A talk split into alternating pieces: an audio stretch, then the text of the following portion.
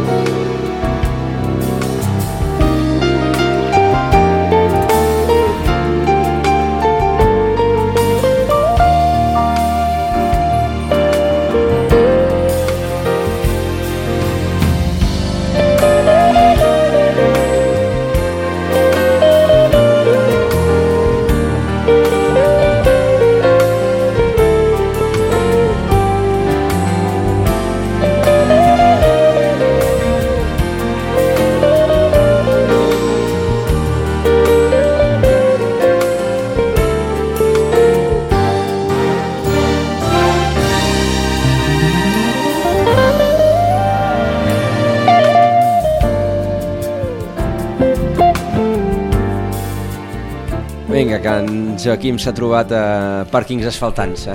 I aquestes coses sempre... Sí, clar, si, si poguéssim tenir la capacitat de dir allò que passa, que és el que hauria de ser, però mm, ja se sap que a vegades les coses eh, són més complicades del que a vegades semblen. Joaquim Millan, bon dia. Molt bon dia, amb retard, so sorry, però bueno, No. aquí estem. No hi ha, no hi ha problemes. Eh, L'hora d'Europa, el dia de les midterms, anem res, hem fet ara un petit eh, repàs, amb el suport d'Eurolocal, ho hem de dir, a aquestes eleccions americanes que, que condicionaran la segona part de la, de la legislatura Trump i, per tant, també la, la relació amb Europa.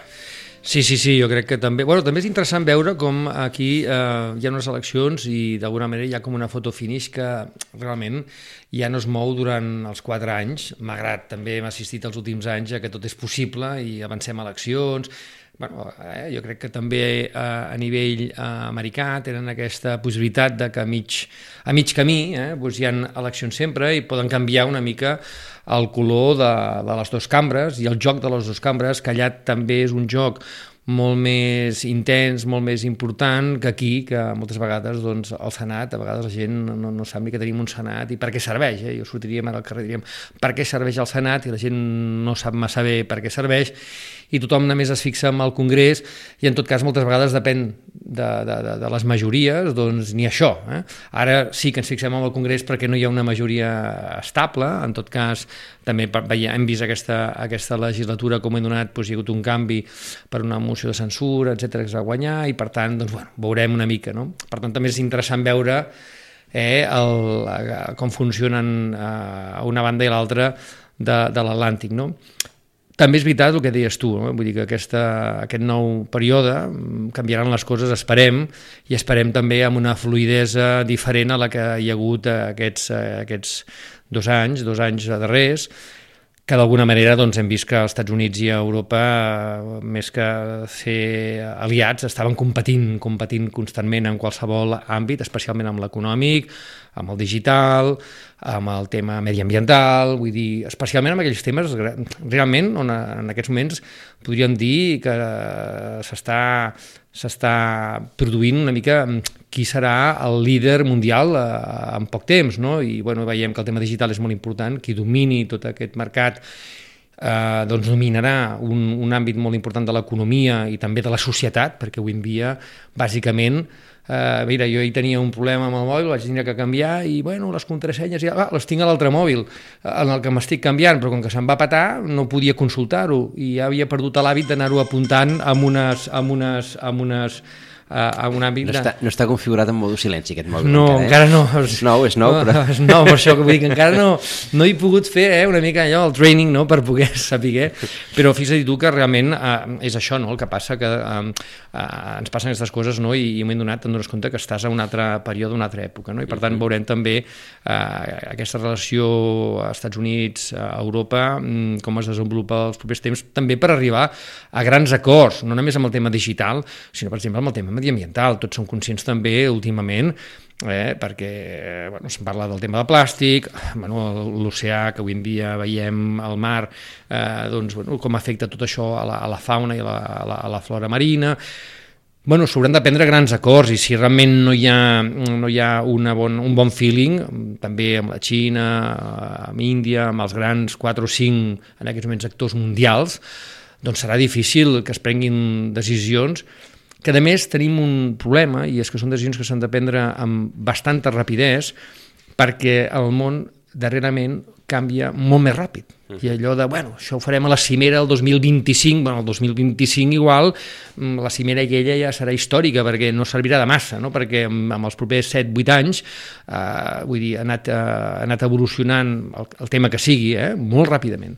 I això també fa que, que o tens fluidesa, de, de, de diàleg i fluidesa d'entesa i fluidesa d'acord i de consens i de poder trobar eh, temes mm, que siguin com a mínim comuns denominadors que ens permetin eh, treballar plegats amb aquests temes que afecten el món mundial en aquests moments, eh, mai millor dit, món mundial, o serà molt complicat. I per tant, fins ara l'administració Trump no era, no era massa, eh, diguem-ne, uh, friendly, que dic jo, eh? i per tant, doncs, eh, bueno, també és important que hi hagi un tom i que ens permeti, com a mínim, eh, poder dialogar i poder trobar punts de trobada i punts d'acord. Uh -huh. els, primeres, els primers dos anys de legislatura un president dels Estats Units sempre imposa la seva agenda i a partir aquesta agenda es veu matisada sempre en aquests... Eh, bueno, també és veritat que ell va dir més coses de les que faria que no ha fet, eh, perquè la realitat, la realitat sempre s'imposa. És dir que... Ah, però déu nhi eh? eh? Bueno, ell a poc a poc, a poc a poc ha anat, ha anat calant, eh, també, uh -huh. i també s'ha de dir que hi ha una part de la societat americana que ho troba bé, eh? Vull dir, no, que clar. des d'aquí ens pot semblar una mica també des d'aquí pensàvem que no guanyaria, eh? i després va guanyar i va guanyar més sobradament, entre cometes, eh? tampoc és que el, molt, però... El, el voten els americans, no nosaltres. Clar, clar, clar. clar. Uh, vinga, va, uh, passem, passem pàgina d'aquest petit uh, anàlisi que hem fet del, del tema americà i ens anem en, en el la primera de les nostres intervinents d'avui és la Neus Pociello, directora de la Fundació Aroa, coordinadora del grup de treball per l'abordatge de les violències masclistes del Consell de Dones de Barcelona i membre del Consell Nacional de Dones de Barcelona. Senyora Pociello, bon dia. Molt bon dia, Joan. Uh, I d'entrada, us truquem perquè uh, esteu impulsant la campanya Fem EU, per una perspectiva feminista cara a les eleccions europees del maig del 2019. Avui parlem de les eleccions americanes, però les europees les tenim aquí. Uh, aquí al costat, um, a veure, la, una, una perspectiva feminista, des d'aquí um, com es planteja uh, el fet d'abordar unes eleccions i, per tant, tots els partits, uh, des d'una perspectiva feminista? Molt bé, Joan. Doncs mira, uh, la perspectiva feminista podríem començar potser per per preguntar-nos no, que, que este, de què estem parlant quan estem parlant de, de feminisme, no? A veure. Perquè a, a vegades ens dona la sensació no, que, que estem parlant d'algú que només té a veure amb les dones. I el feminisme és, eh, diguéssim, aquesta, aquest treball no, que enfoca que els drets de les persones, que totes les, les persones eh, hem de tenir els mateixos drets i, i en això treballa el feminisme.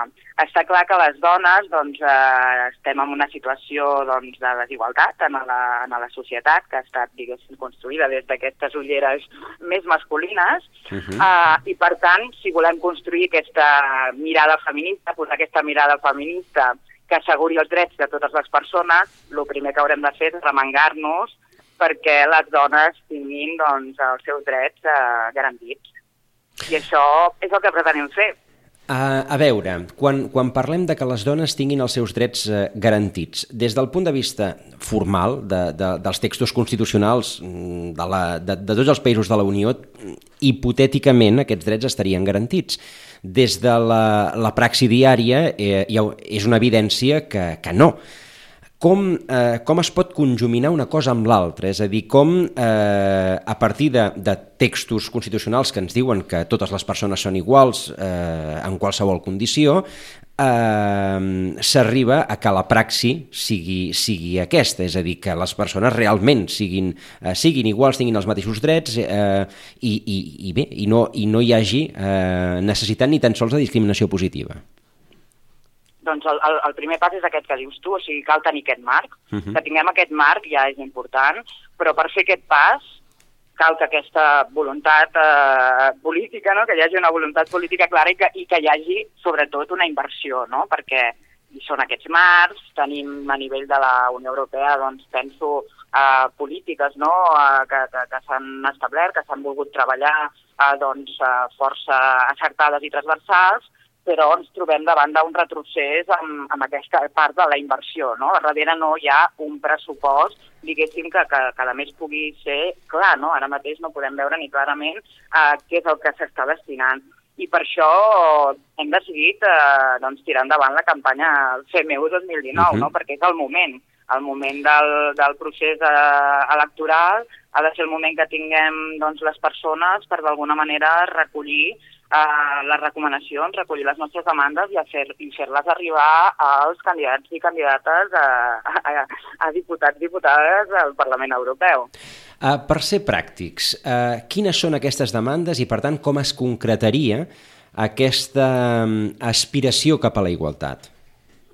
Doncs les demandes, ara jo te'n faré algunes, eh? Vale. però les faré jo així, diguéssim, una mica a títol activista particular, perquè, uh mhm. -huh. clar, el que pretenem fer és engegar un procés, no? una campanya que ens ajudi a recollir des de les expertes i els experts que hi ha aquí a Catalunya i que tenen aquesta mirada posada no? en la construcció d'Europa, quines són les recomanacions que considera. No, no jo com a experta també, però com a eh, professional individual, eh, que tingui aquest, uh, aquest recull de recomanacions, sinó que fem un procés a través d'un cicle de jornades. La primera serà el 3 de desembre a l'Espai Francesc a Bonmaison a Barcelona. Uh mhm. -huh. I en aquesta jornada doncs, ens començarem a treballar hi haurà taules temàtiques amb aquestes persones expertes, persones expertes des dels mitjans de comunicació, des de la part política, des de la part social, perquè puguem arribar aquí, no? a tenir aquests cinc punts cinc punts ben clars, que jo ara, com et dic, te'n avanço uns quants, perquè el tema de la bretxa salarial doncs, seria un, de, un dels punts calents no?, per entendre'ns que Europa eh, se situa no?, amb una diferència del 16%. L'altre tema és el tema de les, de les violències masclistes, eh?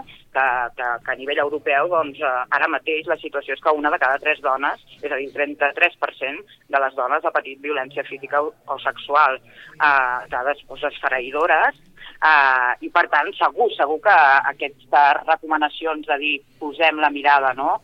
a que les dones i els homes pues, tinguin la mateixa retribució per la mateixa feina, posem la mirada de que no pot ser que això, no, que la meitat de la població visqui amb amenaça i, i visquen eh, violència. Serien aquestes dues i algunes que potser algunes companyes avançaran després a nivell de drets sexuals i reproductius. Uh -huh. Joaquim. Eh, molt bé, jo, jo m'agradaria també veure... Uh, hola Neus, què tal? Bon dia, gràcies per estar aquí. Bon dia, Joaquim. Jo m'agradaria veure una mica mm, si també penseu que durant aquesta campanya es pugui incidir per mi en un tema que és fonamental quan parlem de drets i parlem de drets de la societat, de ciutadania, que és l'àmbit de l'educació. Jo penso que és molt important, àmbit cultural, però específicament posant l'accent en l'àmbit de, de l'educació, de la formació, perquè, evidentment, eh, a vegades ens trobem eh, repicant en la campana, és a dir, tornem a parlar de coses que donem per sentat, però que poder avui en dia, desgraciadament, i m'agradaria que tu valoressis, dona la sensació que poder el jovent aquest tema el té molt més clar i a vegades per notícies que veiem dona la sensació que, que no hem avançat massa, no? vull dir que aquest jovent encara rep eh, uns inputs que fan que les seves actuacions siguin molt similars a la de fa uns quants anys. No? Per tant, eh, com podem incidir? Heu pensat també, en un moment donat, a fer alguna activitat també que tingui a veure amb l'àmbit de la formació i l'educació, que jo penso que és un punt, o demanar eh, amb aquest punt, eh, aquests punts que tu deies, bretxa salarial, que estic totalment d'acord, violència masclista, que estic totalment d'acord, també, no sé, eh, apuntem, us apuntem des, de, des, de, des del programa la possibilitat de que un dels punts també sigui tot el que té a veure amb l'educació i la formació dels nens i nenes quan van a escola. Totalment d'acord, Joaquim, és a dir, per poder abordar aquestes dues situacions cal, eh, si més no, poder centrar la mirada en el que és la, la prevenció, és a dir, una, resoldre la situació que hi ha però fer prevenció, i és a través de, dels programes educatius, i no només això, sinó també se, se m'acudeix, no? i sí que està contemplat en la campanya, doncs la, la informació, no? la informació a la ciutadania, perquè estem parlant de doncs, recomanacions que, evidentment, ha d'estar adreçades a candidats i candidates doncs, tindran, seran molt tècniques no? perquè puguin posar-se doncs, manos a l'obra no? amb, amb el tema de les futures polítiques, però farem com una mena de, tradu de traducció, eh, és a dir, amb, amb un llenguatge ben senzill perquè les persones, és a dir, homes i, i dones, eh, puguem conèixer no? quina és la situació i, i puguem també conèixer els nostres drets. I més enllà d'això, doncs, també l'enfortiment no? a través de la formació, o sigui, tant a nivell dels professionals que estan treballant no? en àmbit, per exemple, de violència, com les, les entitats. Hi ha una manca d'informació també a nivell de lo que són les polítiques europees de, de gènere, eh, del que són els pressupostos, del que són les xarxes no, feministes, com per poder, des de la societat civil, també poder treballar, no? I, això, i amb això també ens hi posarem.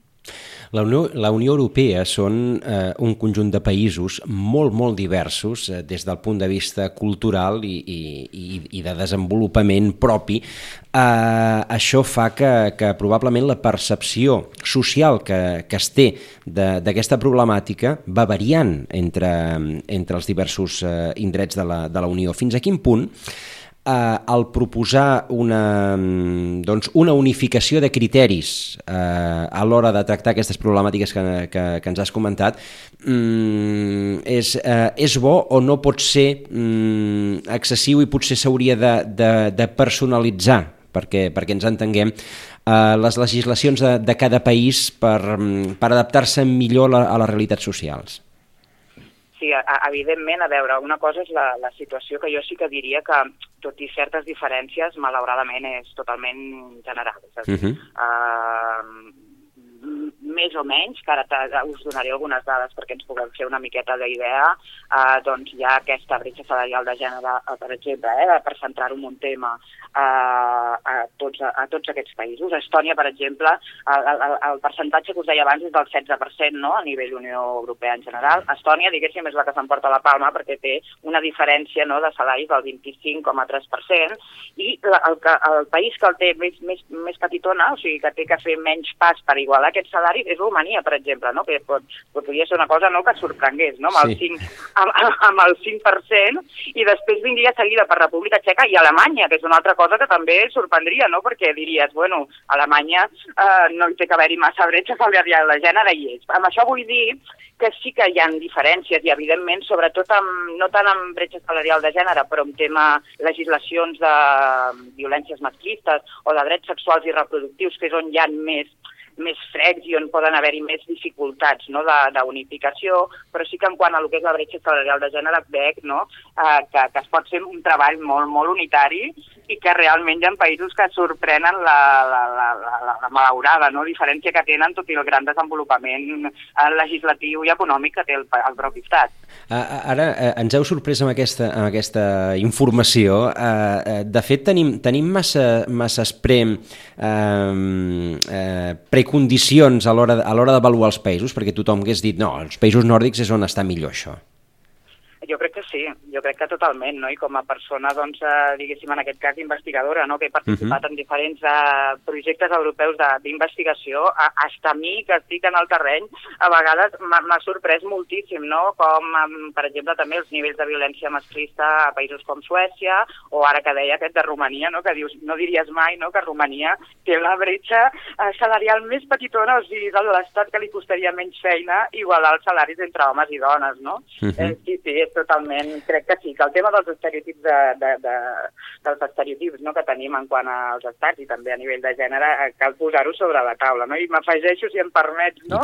afegir-ne un, no? perquè ara me n'estic recordant, no? a nivell de, de rols de, de gènere, uh, a mi, a nivell europeu, em sorprèn molt perquè hi ha un estudi no, de, que va fer una enquesta, no? la, la Unió Europea, que és bastant recent, que preguntava no? uh, si les, els europeus, les europees, quin percentatge pensaven no? que el rol més important important de les dones era ocupar-se de la família, no? cosa que ara ho parlem aquí dient, no, no, això és retrògrad, això no ho pensa ningú. Doncs pues, escolta, el 44% d'europees i europeus continuen pensant que el rol més important que pot suportar una dona és ocupar-se de la família, de la mateixa manera que pensen que el rol més important que pot ser un home és guanyar diners, 43%. Clar, són rol, vull dir, són eh, eh, són mirades no? que, que, que et sorprenen perquè dius això està superat i no, i per això cal no? una campanya com el CNU de, perquè i, i això, estem on estem. I això lliga amb el que ara comentava en Joaquim, probablement aquí hi ha, hi ha una qüestió educativa no resolt. Evidentment, evidentment uh -huh. que sí. Fixa't tu que, a més a més, el rol del, del, de l'home no és eh, treballar o tenir una feina, no, guanyar diners com més Guanyar millor. eh? Vull dir, vull dir, també eh, hi hauria també aquí una doble, una, una, o sigui, un, un, un doble sentit, no només, no només dir tu ets el que tens que anar a caçar eh? i tu ets el que has d'anar a buscar una feina. No, no, i a més a més és que que una feina que et paguin diners, que et paguin molts diners, eh? perquè llavors, clar, també dius, bueno, tu també és uh, un rol, vull dir, jo penso que també inclús agobiant, no? I després també, clar, el que deies tu també, no? que el rol principal d'una dona sigui cuidar la família com si l'home, no, la família es desentén, no? Vull dir, tu cuida la família, jo guanyo diners i ja està, fem un pacte, no? Clar, ho trobo una mica simplista, no? Però al final, si les enquestes són així, és perquè poder en conversa de cafè no ho dius, però amb una enquesta anònima al final acabes dient el que realment et surt del cor o et surt del cap i és el que la gent pensa. I a mi em sorprèn un, un percentatge quasi del 50% amb els dos temes, no? un 40% llarg, no? Sí, sí, i en tinc un que supera aquest 50%. En tinc, en, en, en, se'n va publicar un en el mateix estudi que el 69% de les dones eh, prenen les seves decisions basades en les seves emocions. Vull dir, ho trobo realment eh, impactant, no? Vull dir, el 70% de les dones decidim no, les coses, eh, aquesta és la percepció no, dels europeus europeus, decidim les coses basat en el que sentim i no doncs, en la part més racional. En el fons són aquests mateixos europeus que després els hi tocarà votar. I, Exacte. i, i aleshores, si ja, ja partim d'aquesta preconcepció, mmm, anava a dir malament rai, no? Sí, sí. Uh, cal, cal, cal fer molta feina. Per això, per això. Um, uh, entenem que aquestes propostes que, que es treballaran a partir d'ara uh, pretenen ser transversals, és a dir, que, que puguin ser assumides per la majoria de les, de les formacions polítiques situades en el ventall que sigui de, ideològic. Um, fins, a, fins a quin punt um, aquestes formacions polítiques són receptives a aquestes propostes que els hi puguin arribar, doncs, eh, en aquest cas concret, de, de, del món del feminisme, de, de, de, de la igualtat de drets? A veure, tenim aquí, jo penso i valoro, no, una, diguéssim, com un factor molt positiu, no?, que són tots els moviments que el darrer any hem viscut, no?, com el MeToo, o sigui, aquests moviments han ajudat molt a avançar i hi han certes formacions, no ens enganyarem, que ni que sigui per moda, doncs, i de cara cap a fora, de cara a la galeria, eh, hi haurà certes propostes que penso que les que, la, que les acceptaran sense cap problema. També perquè la nostra idea és que sigui, com dius, doncs molt, molt transversal. No? Després ja anirem a, a, al detall, no? però que pugui ser acollit pel màxim de formacions polítiques. Llavors, penso que aquestes formacions, doncs, amb unes mirades més, uh, més, més, més de dretes, no? vull dir que amb, uns, uh, doncs, amb una sèrie no, de, d'idees una mica més tancades a el que podríem aportar, tot el que són aportacions des del feminisme vinculades potser als mitjans de comunicació, és a dir, a l'ús d'un llenguatge no sexista, eh, vinculades a la bretxa de gènere a nivell salarial, les poden acceptar eh, sense cap mena de, de, de problema, vull dir, d'una manera bastant oberta. Quan hi ha hi hagi alguna recomanació que, com dic, doncs serà molt eh, des d'aquesta mirada de, de, de recomanació transversal eh, recomanacions vinculades amb drets sexuals i reproductius, doncs clar, aquí hi haurà més fissures, no? Aquí hi ha més fissures doncs, perquè també entre estats hi ha moltes diferències i, evidentment, entre, entre, entre els diferents, les diferents formacions polítiques també, també són molt grans. Llavors, jo aquest és el punt que veig eh, doncs, com a més complicat d'aportació del feminisme eh, en, en el que són aquestes recomanacions, però per la resta penso que de fet, aquest és el nostre repte, no? com a campanya també, ser capaces i capaços de, de poder fer un recull de recomanacions que pugui d'alguna manera ser collit per, per totes les formacions. Molt bé, parlaves d'una campanya amb una, amb una jornada, m'imagino, no sé si inicial o no, que això també ens ho pots comentar ara al proper mes de desembre, principis de desembre, Teniu idea de també fer coses més eh, tant de l'àmbit digital, a les xarxes socials, eh, com la gent pot eh, enterar-se del que feu, com podrien participar, com poden fer aportacions? I segona cosa, si a banda de fer aquesta jornada eh, teniu petites intencions de fer alguna altra cosa més al territori, no, no només a Barcelona, si teniu pensat o no eh, poder fer eh, trobades, xerrades, no ho sé què teniu pensat com aquesta campanya que pugueu fer d'aquí a les eleccions europees. Ens poguessis explicar alguna cosa més? Sí, doncs la, la tenim pensada en aquests diferents uh, nivells. Uh, hi ha aquest cicle de jornades, com us deia abans, el 3 de desembre doncs, és, la, és la primera jornada aquí a Barcelona, jornada que reunirà aquestes expertes i experts, i que després, cap al 29 de març, ja amb les eleccions més, més, més properes, uh, farem la, la segona jornada a Barcelona uh, convidant expertes i experts a nivell també europeu no? per fer aquest intercanvi i acabar de tancar aquestes recomanacions. Això és el primer procés, no? Però està clar que fem ús una campanya també, una campanya a través de les xarxes socials, no? Per una banda, pensem que és important visibilitzar l'aportació de les dones i, i dels feminismes en la construcció d'una societat igualitària i de drets per tothom. No?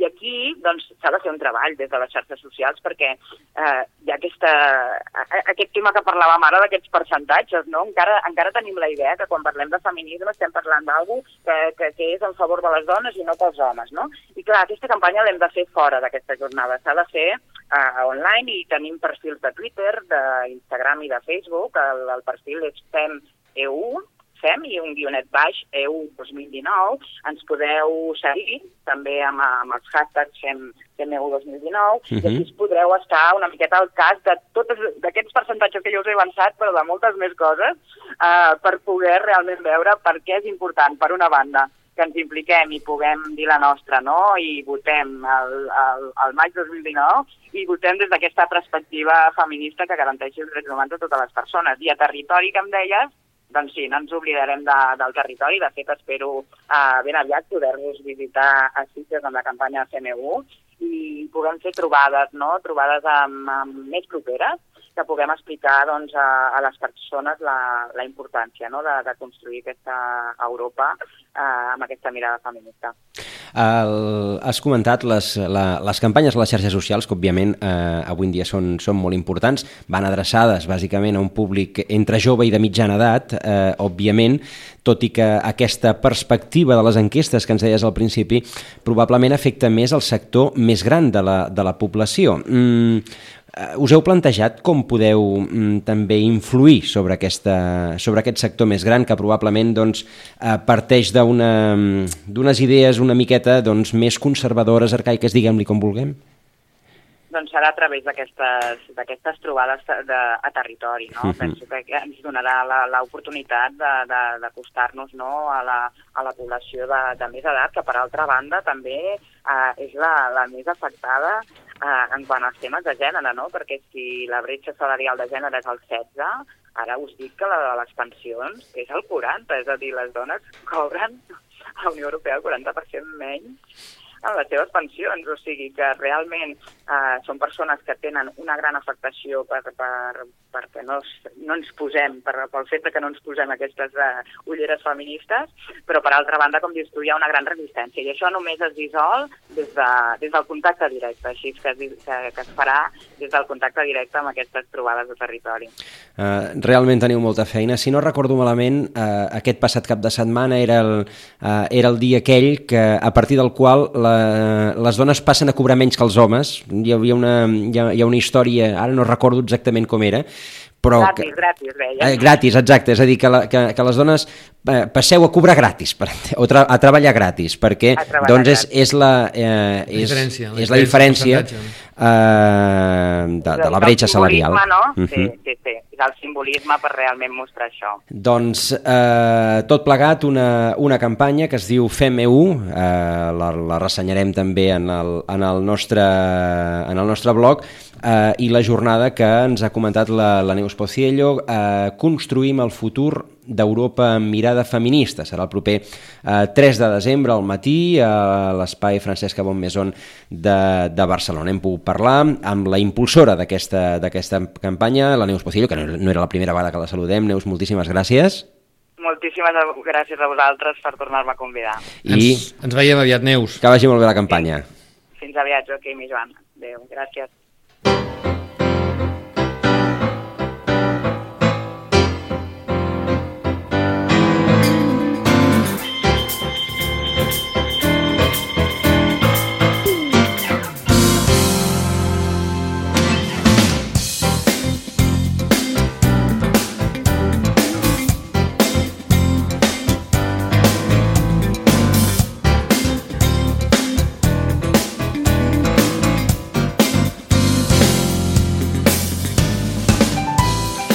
Doncs eh, gairebé 100 anys més tard de les sufragistes encara, encara s'han de parlar de dret, Joaquim. Sí, sí, no, i a més a més el que deia jo, a mi el que em sap greu, i per això jo he fet una mica la cunya de preguntar eh, què es pot fer perquè la prevenció ja comenci a les escoles, no? Ja amb el llenguatge, la manera de veure les coses, la manera de repartir rols, etc, que sigui molt més igualitari i en tot cas que no sigui discriminatori, no? Perquè són dues coses que a vegades, eh, si les sobre les juntes, pues realment et trobes a vegades en situacions que inclús eh, t'impacten, no? De com és possible que pugui passar això, no? I per tant jo crec que és important campanyes com aquestes que ens fan pensar tots plegats eh, en la nostra vida quotidiana per poder canviar hàbits i habituar-nos una mica més a aquesta igualtat entre homes i dones que seria lo, lo ideal. No? Doncs mantenim aquesta mirada feminista en l'hora d'Europa d'avui saludant a la directora de l'Associació de Drets Sexuals i Reproductius, Sílvia Aldebert. Senyora Aldebert, bon dia. Hola, bon dia. Uh, doncs uh, estem, estàvem parlant d'una campanya que ara mateix uh, uh, amb el nom de Fem EU està intentant incidir en una mirada feminista sobre, uh, sobre les properes eleccions uh, al Parlament Europeu el 2019 i, i bé, i una de les qüestions que, que s'ha posat sobre la taula precisament és la dels drets eh, sexuals i reproductius. Mm, probablement una de les, eh, un dels cavalls de, de batalla eh, en la recerca de la igualtat entre dones i homes. I tant, de fet, eh, bueno, és un cavall de batalla del moviment feminista des, de, des dels seus inicis, és, és com una mica la raó de ser perquè també entenem que els drets sexuals i reproductius són com eh, l'eix transversal que, eh, que ens facilita el poder tenir una estructura que estigui realment eh, igualitària i que, i que una mica eh, garanteixi aquests drets fonamentals de totes les persones. A nivell europeu també és un cavall de batalla que, bueno, que també és, és comú amb tots els moviments feministes europeus i també eh, que és des de sempre. Uh, aquestes eleccions properes segurament seran unes eleccions molt importants a nivell de, de les reivindicacions de moviment feminista i, i sobretot també de, de quines lleis i la prioritat que, que incorporen els drets sexuals i reproductius. També perquè aquestes eleccions properes a nivell europeu estan molt marcades per un auge mundial, europeu i local de, de moviments molt conservadors i, i ultrafonamentalistes que, que estan fent un retrocés o estan amenaçant amb retrocedir molt els drets, amb els drets de les persones i, i evidentment els de les dones cauen els primers sempre. Uh, les legislacions dels diferents països europeus uh, uh, pel que fa a drets sexuals i reproductius uh, són molt diferents. Uh, no hi ha, no hi ha una, una doctrina unificada encara. No, no, està lluny de que això pugui passar. De fet, són en, en casos diametralment oposades. Eh, podem parlar de casos com Polònia, on el retrocés, la penalització del tema de l'avortament, o Malta, o, o països eh, com Irlanda, que s'ha fet un referèndum, però encara a dia d'avui eh, l'avortament està penalitzat. O sigui, Eh, és a dir, aquesta penalitat vol dir que les dones no poden avortar perquè si no van a la presó. Uh -huh. Les dones i els professionals. Això com a casos eh, molt extrems i, i també després de l'altra banda no, tenim països eh, on les lleis són molt avançades i, i ja ho són des de fa molts anys. Països com, com França, com Holanda, sobretot, no? o com Anglaterra i fins i tot l'estat espanyol en algun dels casos. I quan parlem d'avortament és, com el, és com un dels estàndards, però igualment parlem també de, de els col·lectius LGTBI, l'acceptació, els drets que es garanteixen amb aquests col·lectius, o de l'educació sexual, l'accés a l'anticoncepció, no? el dret a, a decidir sobre, la pròpia, sobre el propi cos, la pròpia reproducció, la pròpia família i quin model de família. Tot això, eh, cada país és un món que pot ser eh, absolutament oposat al, de, al del costat. Quan parlem de la Unió Europea, si també incorporem el que entenem com a Europa, imagineu-vos que parlem d'Andorra, no? Uh -huh. Que no està a la Unió Europea, però sí que se suposa que és Europa. I Andorra és un dels països més arcaics eh, amb, amb garanties de drets sexuals i reproductius. eh, ja està aquí a la vora, no? Vull dir que, que el tenim molt proper. Llavors, eh, és un, són temes molt importants a nivell europeu perquè s'ha demanat moltes vegades eh, que hi hagués una unificació en la directiva europea, per exemple, sobre avortament, eh, que garantís uns mínims per totes les dones a la Unió Europea però això mai ha estat possible perquè, perquè, bueno, perquè els sectors més ultres i conservadors mai han permès que això avancés a, a aquests nivells. Uh -huh. jo, jo volia preguntar-te una cosa que ara em venia, mentre tu estàs parlant, i parlem d'Unió Europea, i parlem uh -huh. d'unes diferències bastant importants que m'han sobtat en alguns casos en algun país que has esmentat, que ves, uh -huh. aquelles coses que no, no, no coneixes uh, uh, tan profundament i et sobten a favor i en contra, eh? però uh, escolta'm, què passa eh, amb la legislació estan diferents entre els estats, però a la vegada amb una Unió Europea amb mobilitat de les persones que et permeten doncs, bueno, anar-te'n a París demà i no tindre que donar masses explicacions amb el que vas a fer i tornar. És a dir, mm, poder la llei va per darrere de, de la ciutadania quan a la Unió Europea tenim un dret que, que és la mobilitat avui per avui, que ens permet moure'ns d'una banda a l'altra, no només per viatjar, sinó per viatjar, treballar, etc etc etc. I, per tant, si no comencem a tindre uns mínims comuns denominadors en quant a la legislació, al final la, la llei va per una banda i la societat va per una altra, no? Efectivament, vull dir, tu ho has dit clarament, no? La ciutadania sempre va per davant de la llei. Jo crec que això és, un, és una qüestió que passa en tots els àmbits, no? i, i, el, i les dones en aquest sentit hem estat um, som, som supervivents de, de, molts, uh, de molts espais d'opressió i de discriminació que ens han buscat la vida, tal qual. Saps? És a dir, ens busquem la vida per tirar endavant les nostres famílies, ens busquem la vida per treure temps per treballar, tenir família i intentar tenir una mínima vida social que la majoria no tenim, eh, ens busquem la vida per tot. I evidentment, evidentment des, de, des del dia 1 de, de l'existència humana, ens busquem la vida per decidir si volem tenir criatures o no, o volem ser mares o no. Llavors, eh, com passa a tots els països del món, quan, quan l'avortament està, està penalitzat i està criminalitzat, les dones avorten clandestinament. I això passava aquí no fa tants anys, passava a l'estat espanyol no fa tants anys eh, les dones que, tenia, que no tenien diners s'ho havien de fer com podien i arriscant, posant la seva vida en joc, i les dones que tenien diners agafaven un vol i se n'anaven a, i se a Londres. No? Doncs això a la Unió Europea continua passant. Les dones poloneses avorten, se'n van, surten del seu país. Les dones eh, irlandeses també avorten, surten d'Irlanda per avortar. Eh, les dones de Malta també, i les dones d'Andorra avorten i venen a Catalunya a avortar. I, i posem casos com, com molt clars, no?, perquè, perquè es puguen entendre, però igualment eh, quan, parli, quan puguem parlar de reproducció assistida, quan parlem de matrimonis de, de parelles d'un mateix sexe, és evident que les persones el que volem és eh, viure, viure la nostra vida segons com hem decidit, que no ens faltaria, i que se'ns garanteixi aquest dret. I quan no se'ns garanteix, ens busquem la vida perquè se'ns garanteixi, no? Si el país del costat se'ns garanteix, doncs eh, agafem ah. el cotxe o l'avió com necessari i ho farem.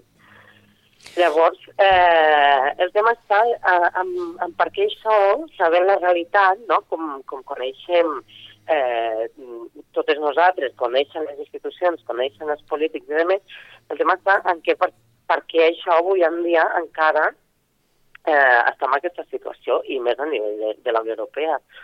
I la resposta és molt clara, perquè el poder de, de la religió i de la religió que, que oprimeix a, a les dones en aquest cas eh, és molt, molt, molt important encara dins els, els governs dels diferents estats i dins a, als moviments eh, diguéssim que tenen molt poder de a les institucions europees. De fet, això amb els, amb els europarlamentaris moltes vegades hem tingut l'ocasió de, de compartir diferents espais i ens diuen que realment tenen molts problemes per poder avançar per els moviments eh, aquests tan ultres, eh, tenen molts recursos i, i no deixen avançar qualsevol proposta dins del Parlament Europeu. Uh -huh. O sigui, ells fan lobby.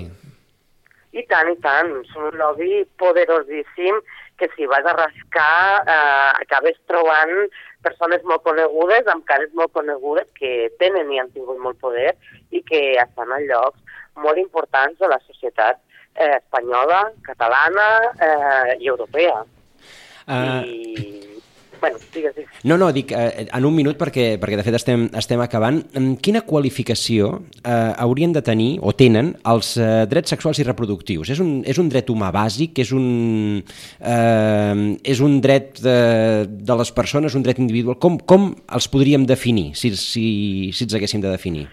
Sí, bueno, eh, de fet els drets sexuals i reproductius estan reconeguts eh, per instruments internacionals de Nacions Unides i, i diferents espais internacionals com a drets huma- humans fonamentals. Uh -huh. És a dir, són drets humans de, de segona generació, que es diuen, perquè van sortir més tard, es van reconèixer més tard que, que, que, els, que els inicials després de la Primera Guerra Mundial, però, ai, de la Segona, perdó, però que realment als anys 90 ja es van reconèixer com a drets eh, humans fonamentals. Llavors, eh, la qüestió és que a dia d'avui eh, els drets humans no són vinculants als països, ni pels governs dels estats.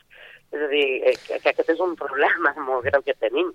És a dir, els governs de les, dels estats eh, no tenen obligació de complir molts dels drets humans, perquè no els estan complint a molts països. Doncs, Llavors, els drets sexuals i reproductius estan al mateix lloc. doncs ens, No ha- en, s'estan complint. ens ha quedat claríssim. En, en, en, aquest, en aquesta part ens, ens ho heu explicat tot. Uh, Sílvia Aldabert, moltíssimes gràcies per, a, per atendre la nostra trucada. No, gràcies a vosaltres. I Gràcies, ens veiem aviat, Sílvia. Gràcies, molt bé. Adéu, bon dia. Bon dia. Adéu. I, eh, Joaquim, ens retrobem d'aquí a un mes. Interessant, sobretot aquesta, aquesta part final. Drets m'ha- humans de segona generació. M'ha agradat, m'ha agradat. No, no hi ha notícies, deu haver ple el Parlament, doncs hi ha ple el Parlament, eh, per tant, doncs eh, ens acomiadem i ara d'aquí d'aquí una estoneta, tercera hora. Cada dia, al matí amb nosaltres.